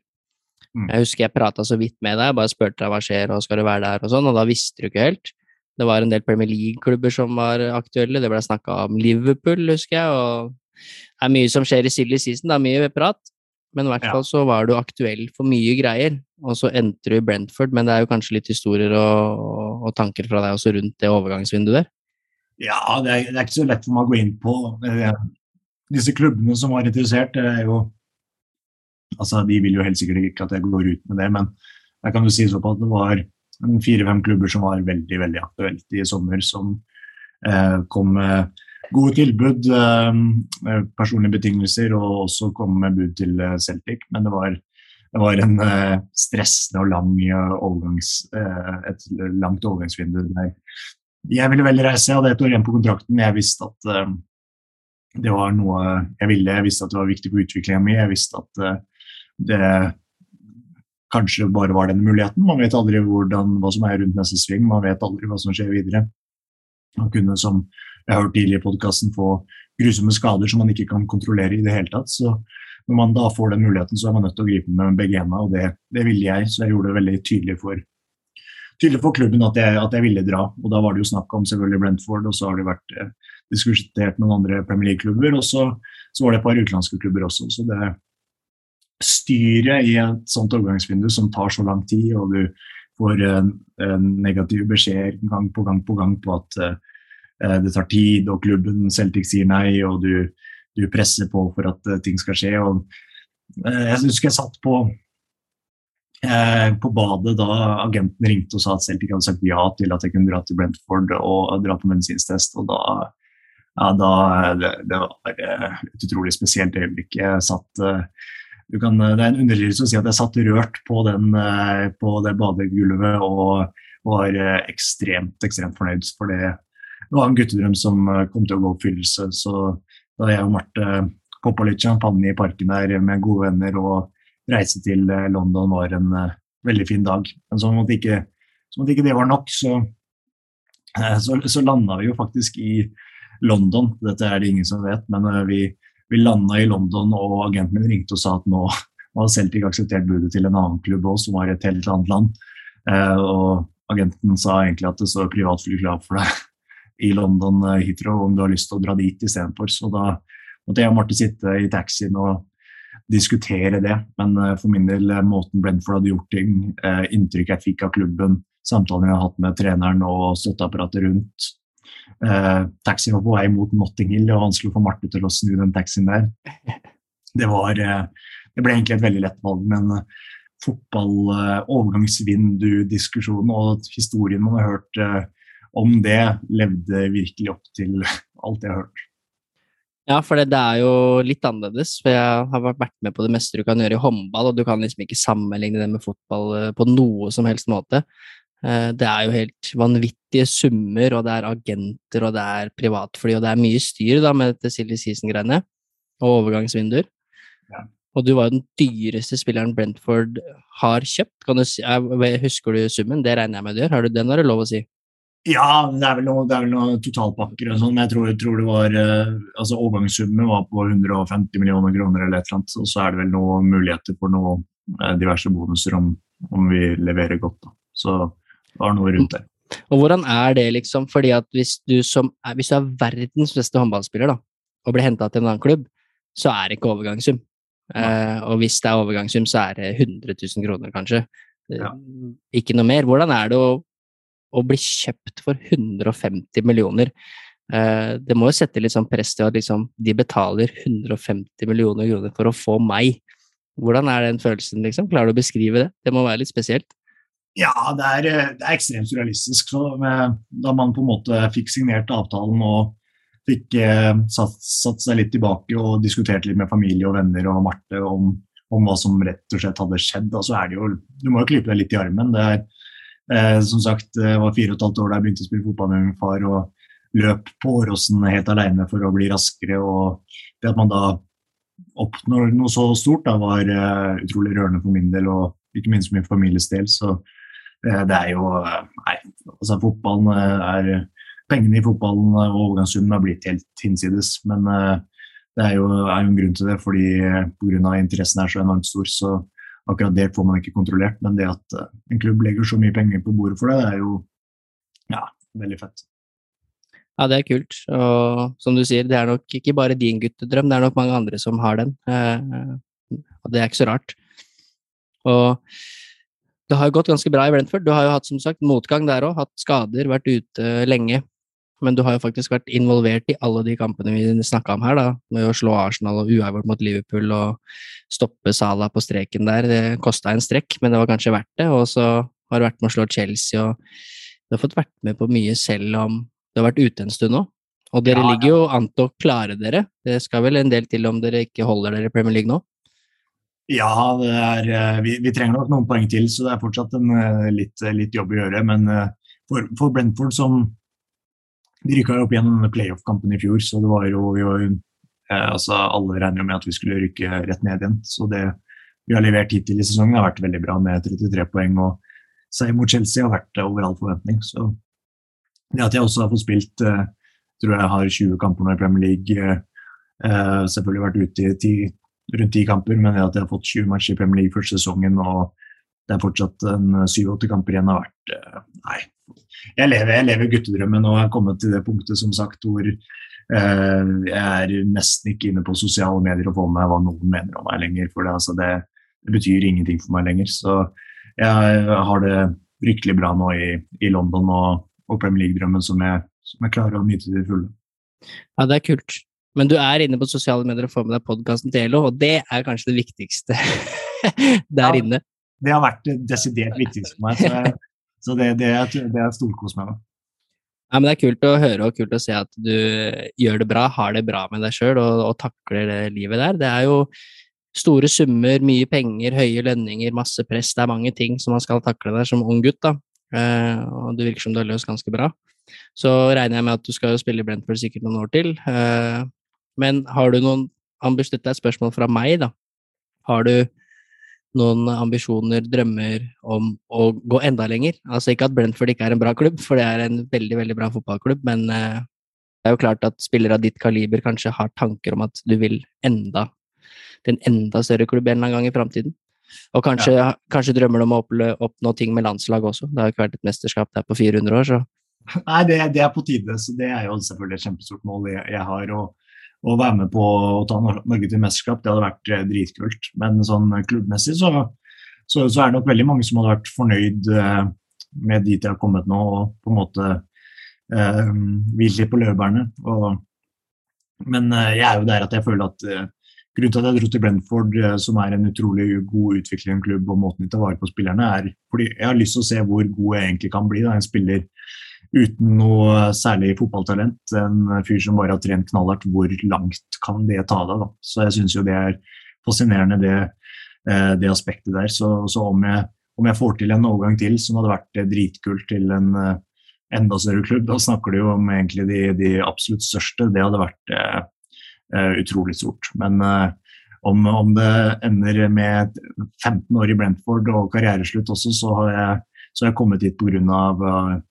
Uh, ja, hardt, hardt arbeid. Så da, jeg kan uansett se meg selv i speilet og vite at ok, da var jeg ikke god nok for uh, de beste klubbene i verden, men uh, det harde arbeidet tok meg i hvert fall hit. Ja, det blir veldig spennende å se. Du er jo en ung kar, og som midtstopper også ung. og måten man trener på nå, lever på nå, spiser på nå, så ser man jo at man kan jo spille til man er eh, langt, langt, langt opp i 30-årene og fortsatt være god. Det er jo spillere som pusher grenser her hele tida. Så også med den mentaliteten som du har, og hele tiden gjøre alt som er mulig for å bli bedre, så tror jeg du kan eh, komme langt. Ja. Er det noen eh, klubber det, det er kanskje ikke lov å si, men er det noen klubber du drømmer å spille for? Du sa jo at Liverpool hadde vært store i familien din der. Hadde betydd mye for faren din om du tok på deg en Liverpool-drakt en gang, kanskje? Ja, altså, min, min, far, min far er uh, ekstremt uh, happy med, med, det, med der jeg er nå. så Det er ikke sånn at han har voldsomt behov for at det drar til en sånn klubb, men det er klart uh, skal, skal, du ta et steg fra Brentford nå, så ville det jo vært en av disse største klubbene. så da, og da, da, hadde man vært fornøyd uansett hvilken klubb det var, tror jeg. Så det hadde vært, det hadde vært kult. Ja, det er bra. De trenger en bra stopper i Arsenal der etter hvert og, og et par ekstra nordmenn. ja, man gjør det bra, nordmann som er der nå, da.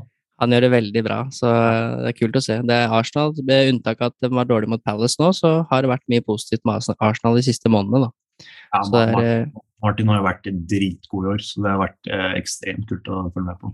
Han har vært veldig veldig god, eh, så det er kult å se at han tar det steget. og Vi har så mange som sagt, spillere som er i de største ligaene i verden og, og gjør det bra. Så det setter jo litt forventninger på landslaget også. Ja. Eh, men det er veldig kult. Og det er litt av en reise du har hatt, og den er jo egentlig så vidt begynt. Du kan jo spille 10-15 år til eh, på det nivået der, eh, hvis du er heldig med skader og alt. Det er fullt mulig, det. Så. Men jeg har jo lyst til å stille deg litt sånne kulere spørsmål på slutten, som jeg har notert ned. Ja, bare få løs. Veldig sånne enkle ting, men det er jo Jeg husker du sa at uh, Jeg husker ikke om det var Jeg følger med, jeg er litt sånn sportsidiot, om det var Instagram eller via VG. Det var et eller annet hvert fall hvor du sa at uh, tempoforskjellen fra liksom eh, Skottland til Premier League var helt enorm. Og så hadde du møtt var det Adama Traore, Ja. tror jeg hadde møtt en match, og han, han er det vel ikke så mange som er raskere enn. Eh, hvordan er det liksom å, å føle på den, eh, den fartsendringen? Altså når du møter Sala og Mané og disse spillerne her. Det må være ganske voldsomt første gang. Ja, og det som er sjukt med Traoré, er at han smører jo kroppen inn i babyolje.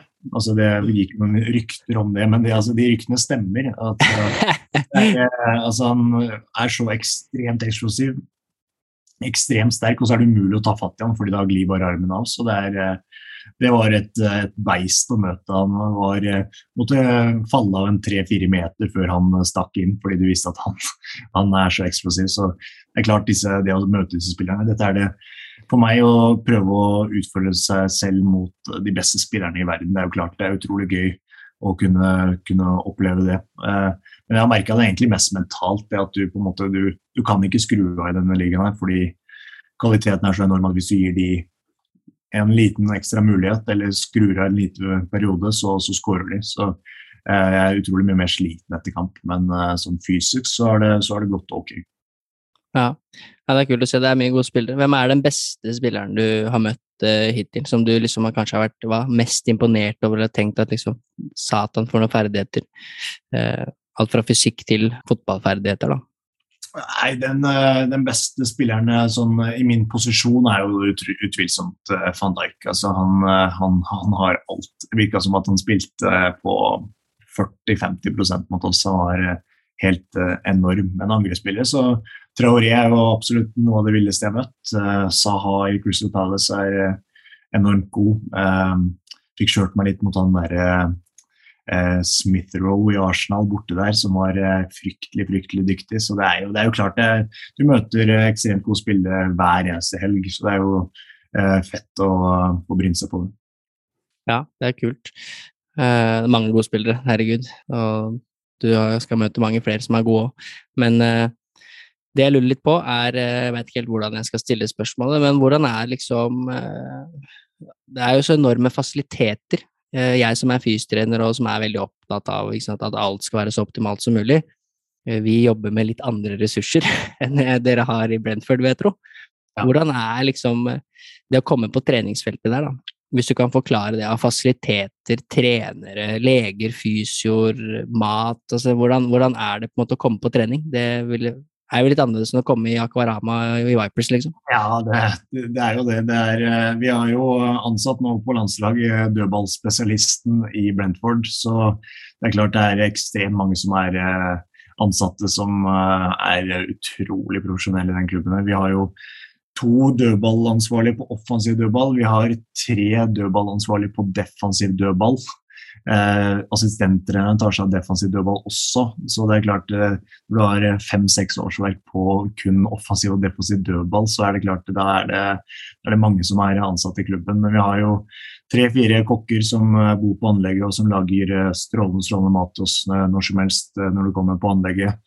Du har et cryo chamber som, som, står der, som du kan gå inn i. Dette er jo sånn kammer som er minus 130 eh, grader, som du står inne i tre minutter, og som på en måte um, ja, gjør at du residuerer raskere både fysisk og mentalt. Uh, det er uh, mange flotte fotballbaner, selvfølgelig. Det er en veldig god gym med alt du trenger der, og noen fysiske trenere som jeg tror de bor der. Jeg er aldri der uten at de er der. Så nei, det er et veldig, veldig proft eh, opplegg. Altså det er som, egentlig som man kan forvente i Premier League. De, de, har ansatte på alle mulige ting som må gjøres på det treningsanlegget, så det er veldig, veldig gøy, å, gøy å være der. Ja, det er, eh, det er, kult å høre og kunne fått innsikt. Hvis jeg kommer over en gang og, og får noen billetter til å se match, så, så, må du gjerne organisere en prat med en av disse FYS-trenerne. Det hadde vært kult. Ja, det er, det er interessant. De har, de, har mye, de har, mye, spennende. Men det er jo klart, altså, jeg har jo hatt veldig mange gode fysiske trenere i Celtic og Start og Lillestrøm, og så har jeg trent masse med deg òg. Det er jo klart, altså, det er jo ikke sånn at det er noe altså, magisk de kommer med. Det er de samme øvelsene. Det er like mye fokus på restitusjon, det er de samme fokus på ernæring som du har. Så det, det er jo klart bare at det er et mye altså, apparatet er mye større, da, så mye større frihet til å gjøre det du vil. Jeg klart, altså, hadde du vært ansatt i Brentford, så hadde du jo gjort uh, like mye fantastisk som det de gjør. Så, så, det er jo bare det at de har enorme muligheter med de ressursene som er. Ja, det er kult.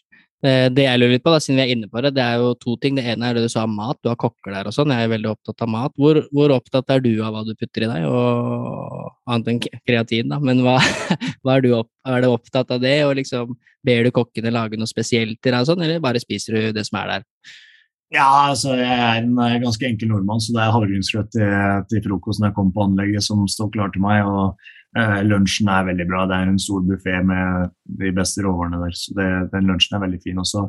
Så jeg er heldig. Jeg er ubrukelig på kjøkkenet sjøl, men Marte er eh, veldig dyktig. Så hun lager eh, fantastisk god middag når jeg kommer hjem. Så eh, får i meg, meg, akkurat det jeg trenger. Men jeg, jeg, er, ikke, altså, jeg er ikke så Før, som, som, som sagt, så var jeg veldig mye mer jeg er fortsatt en 24-7-utøver, men jeg er fortsatt ikke jeg klarer å, klarer å, pusse litt mer nå, så det, jeg kan, jeg kan skeie litt ut, jeg også. Dere kjører tacofredag liksom der òg? Ja, med mindre det er kamp lørdag. Jeg kan ikke ha taco kvelden før. Nei, det går ikke. Taco til torsdag, så vi har taco hver eneste uke, vi òg. Ja, det er kult. Og det andre jeg vil spørre deg om, der er du sa jo Du nevnte jo sånn cryo cryo chamber. Ja. Uh, og jeg vil jo se for meg at dere har mye andre ting uh, av restitusjonsting, altså sikkert alt som fins. Hva er det det du føler annet enn å spise godt og sove godt og alt sånt, hva er liksom det råeste liksom restitusjonstiltaket du liksom har prøvd og bare faen, dette kjenner jeg at funker? For mye er jo litt sånn ymse òg. Ja, jeg kan gå inn i det kammeret eller jeg kan sette meg i en badstue eller noe sånt, men liksom, har du følt på noe som faen, dette funker, eller dette merker jeg forskjell?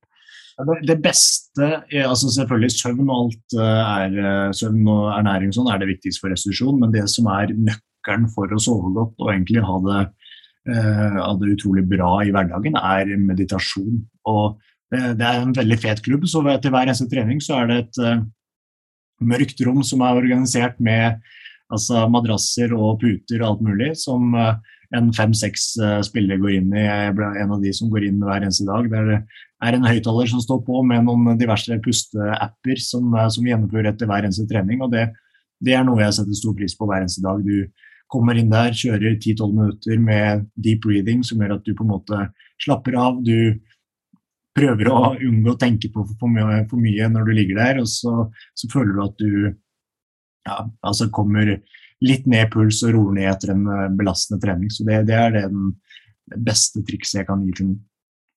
Ja, det syns jeg er fett, fordi det har blitt mer og mer i vinden, det med meditasjon. og eh, de har jo, I Norge da, så har jo Bodø-Glimt vært litt sånn, de har gjort mye av det og gått ut og sagt at de gjør det. og Mentaltreneren som var på Lindmo nå forrige uke, han sa ikke så mye, da, han avslører ikke så mye. Men det er liksom flere og flere som jobber med det der. Og som du sier, utelukkende for å påvirke det mentale positivt, da, ikke nødvendigvis bare det fysiske. Så det syns jeg er kult å høre at dere gjør borti Brentford også. Ja, det er eh, både det og også eh, noe som jeg aldri har gjort før tidligere, som, eh, som jeg og noen spillere gjør. der vi sitter i, Med en gang vi kommer inn på treningsanlegget før frokost, så tar vi faktisk et sånn isbad i fem-seks minutter. og Det er jo ganske lenge til vi har trening, så det er ikke sånn at det påvirker at er, muskulaturen er for kald når vi begynner å trene. Det er jo fortsatt halvannen time etter frokost før vi begynner å trene, så man rekker å få i seg varmen. Men det å gå inn der, og da sitter vi i et sånt isbad hvor du sitter med helt opp til halsen uh, under, under, vann og sitter i en fem-seks minutter og bare fokuserer på pusting og lærer seg det å beherske å sitte i isvann er noe som jeg syns har vært veldig interessant. Og uh, også i forhold til restitusjon så føler jeg at det gir en ekstra boost. Så slipper du kanskje den ekstra kaffekoppen om morgenen og våkner litt til av det, det isbadet. Så det liker jeg veldig godt.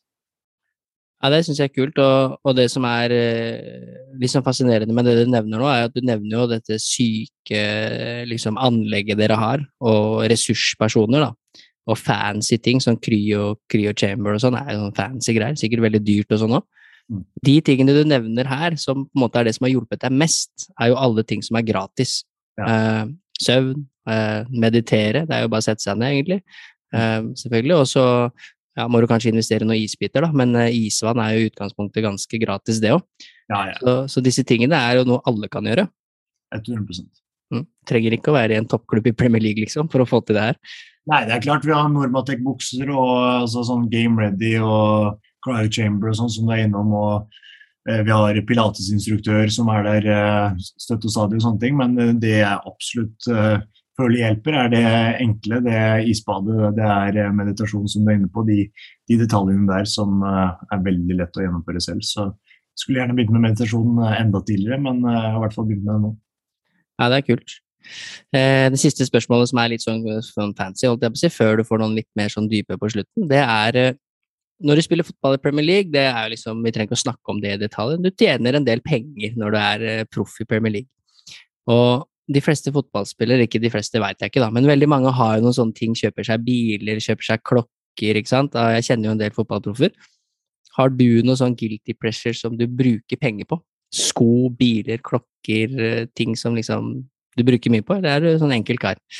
Nei, altså jeg er jo en, en enkel kar fra Rælingen, så jeg hadde jo blitt grisebanka der om jeg hadde kommet hjem. Fancy. Men jeg har jo, altså, jeg har jo fått uh, Bor i en fin leilighet og har fått meg en fet bil, så akkurat det har jeg valgt å bruke litt penger på. Men ellers så er, det, så er jeg veldig enkel. Hvilken bil er det du kjører, da? Jeg kjører en altså Jeg vet jo ingenting om bil, men jeg har fått med meg altså det er en Porsche 911 turbo-greier. Og det er greier, så du er liksom ikke helt sikker på hva du kjører. for Det er en fin bil, i hvert fall. ja, De mente jo at det var grunnen til at jeg sleit med hamstringen, at den er for lav. Så når jeg er i London og med mine kjøreferdigheter på feil side av veien, så er det fint med en litt, eh, litt liten bil. Det er trange gater der. Ja. ja, det er kult. Det er, jeg kan regne med det er noen fete biler som svinger inn på anlegget der av spillerne. At det ja, er noen Absolutt. Det er folk som er litt mer interessert i det der enn meg. Ja, ja, det er kult. Men jeg syns det var en fin episode. Du får noen spørsmål etter slutt. Men uh, uansett uh, veldig takknemlig for at du stiller opp. Kult å få med en Premier League-spiller i poden. Det er første gang, og, og, kanskje ikke siste. Kanskje man får med noen flere. Det er flere, flere nordmenn borti der. Men uh, veldig kult at du stiller opp, og gøy å få litt mer innblikk i hvordan det er å, å være proff, og ikke minst selvfølgelig din historie og, fra du var fire og et halvt år til nå hvor du spiller i Premier League. Det er 20 år siden. Det er veldig kult å høre hvordan det er, og, og hvordan det er å bo borti London og sånn. Ja, veldig kult å bli, bli invitert med. Det var, det, var, det var, på tide at jeg, at jeg fikk, fikk, vært med nå. Ja, det er bra, det. Men du får to spørsmål til slutt, og du har jo hørt en del episoder, så du veit kanskje litt hva det går i. Eh, det første, som er Det syns jeg er kult, og du har gitt mange tips allerede, men det er mange unge utøvere som hører på podden. Det er mange som har drømmer som du hadde når du var fire og et halvt og seks og elleve og, osv. som har lyst til å bli veldig gode i det de driver med. Jeg jobber med, daglig med unge mennesker som har lyst til å bli gode, eh, og jeg leiter stadig etter tips og triks og, og ikke minst referanser. Ja, men du vet, Christer Reier, han sa at uh, det beste du kan gjøre, er å meditere, ikke sant. Du trenger ikke Så det jeg leter stadig etter referanser, det er kult å ha, men hva er dine beste tips og tanker til utøvere der ute, da, som er i den situasjonen som du sjøl var i når du var ung? da? Nei, det er, det er, veldig enkelt å si at man må kose seg med det man, eh, det man gjør. Det, det, har jeg gjort hele veien. Jeg har elsket å trene og trene for å, å, bli bedre, se hvor god jeg kan bli. Men det beste trikset jeg kan gi, og som jeg egentlig har gjort eh, hele min karriere, det er å alltid ta én repetisjon mer enn kameraten din. Så hvis kameraten din sier at det er tre sett av åtte repetisjoner, så må du alltid ta ni repetisjoner. Ja. Og hvis han da tar ni repetisjoner på sett to, så er du alltid nødt til å ta ti repetisjoner. Alltid gjøre litt ekstra. Alltid gjøre i hvert fall en repetisjon mer enn kameraten din. Ja. Det, det, er ekstremt viktig, så det, det, har jeg alltid gjort, og det, det prøver jeg å gjøre. Nå, nå, nå, er jo en uh, gym og en garderobe med godt trente folk, så noen ganger så klarer jeg det ikke, og da blir jeg fly forbanna sjøl, men jeg prøver alltid å ta, ta en, en, ekstra. Ja, det er, det er, en veldig god egenskap. Det fikk jeg kjenne på på den nyttårsaften som vi nevnte i stad. Da tok du også én ekstra for å få et poeng mer, og det fikk jeg kjenne på til og med der. Det var helt avgjørende, det. Det siste spørsmålet er jo eh, Du har vært inne på litt av det, og, og litt med det mentaltrener, og snakka du litt om sånne ting som jeg kan se for meg kanskje svaret går litt i, men annet enn å være fotballspiller, eh, selvfølgelig være takknemlig for at man får leve den drømmen og, og, og, alt det du driver med, hva er det du er liksom mest takknemlig for i livet ditt ellers, og måtte er mest stolt av? Det er et uh, godt spørsmål det jeg er mest takknemlig for akkurat nå, bank i bordet og alt mulig, det er at jeg har en uh, utrolig frisk uh, familie. En uh, fantastisk flott forlovede, gode venner rundt meg. Det er det jeg setter høyest i livet. Altså, fotballen gir deg utrolig mange muligheter, som du har vært inne på tidligere, hvor du kan reise steder, kjøpe ting, alt mulig. Men for meg så er familie, venner og en forloved som, som, har det bra, egentlig alt. Så det er det jeg er mest takknemlig for, egentlig. Ja, det er ikke et dumt svar. Kanskje litt kjedelig svar. Jeg hadde irritert meg litt om noen hadde sagt det mens jeg hadde hørt det, men eh, jeg måtte krype til korset der, jeg ja. Ja, det blir ofte sånn, og det er ikke et dårlig svar. Det er jo det til syvende og sist som er det viktigste. Men eh, veldig fett å, å, høre mer om hvordan det er, og hvordan reisen din har vært. Og jeg skal selvfølgelig fortsette å følge med. Jeg er alltid inne og sjekker uh, Brentford, så sjekker jeg med en gang om Kristoffer Ayer er i startoppstillingen. Og hvis du ikke er det, så er jeg ganske rask på å sende melding. Hva skjer? Er det skada? Er det hamstringen igjen? ja, stemmer det. Der er jeg ganske god. Så nå får du holde deg skadefri. Det skal gjøre. Og så er det en kamp som går på TV nå. Nå rekker du bare andre omgang av den Champions League-kampen. jeg alle dager. Du fant jo ut i helga som var, at det laget er ikke noe særlig bra uansett, som da er Chelsea. Nei, jeg hadde, jo, jeg hadde jo planlagt å se hele matchen, men eh, du var jo som sagt en time for seint, så da, da røk jo den. Men sånn er det. Sånn er. Fint å avslutte med litt elo-time. Ja, det er viktig. Men uh, tusen takk for at du var med, Kristoffer. Det var, uh, var strålende. Det var veldig hyggelig å være med. Tusen takk for at du har satt av tid til å lytte. Det setter jeg stor pris på, og jeg håper at du sitter igjen med noe verdifullt. Hvis du ønsker mer inspirasjon til trening og helse, følg meg, coach Elo, på Instagram. Der kan du også stille meg spørsmål, samt komme med tilbakemeldinger til podkasten. Du finner lenken i episodebeskrivelsen.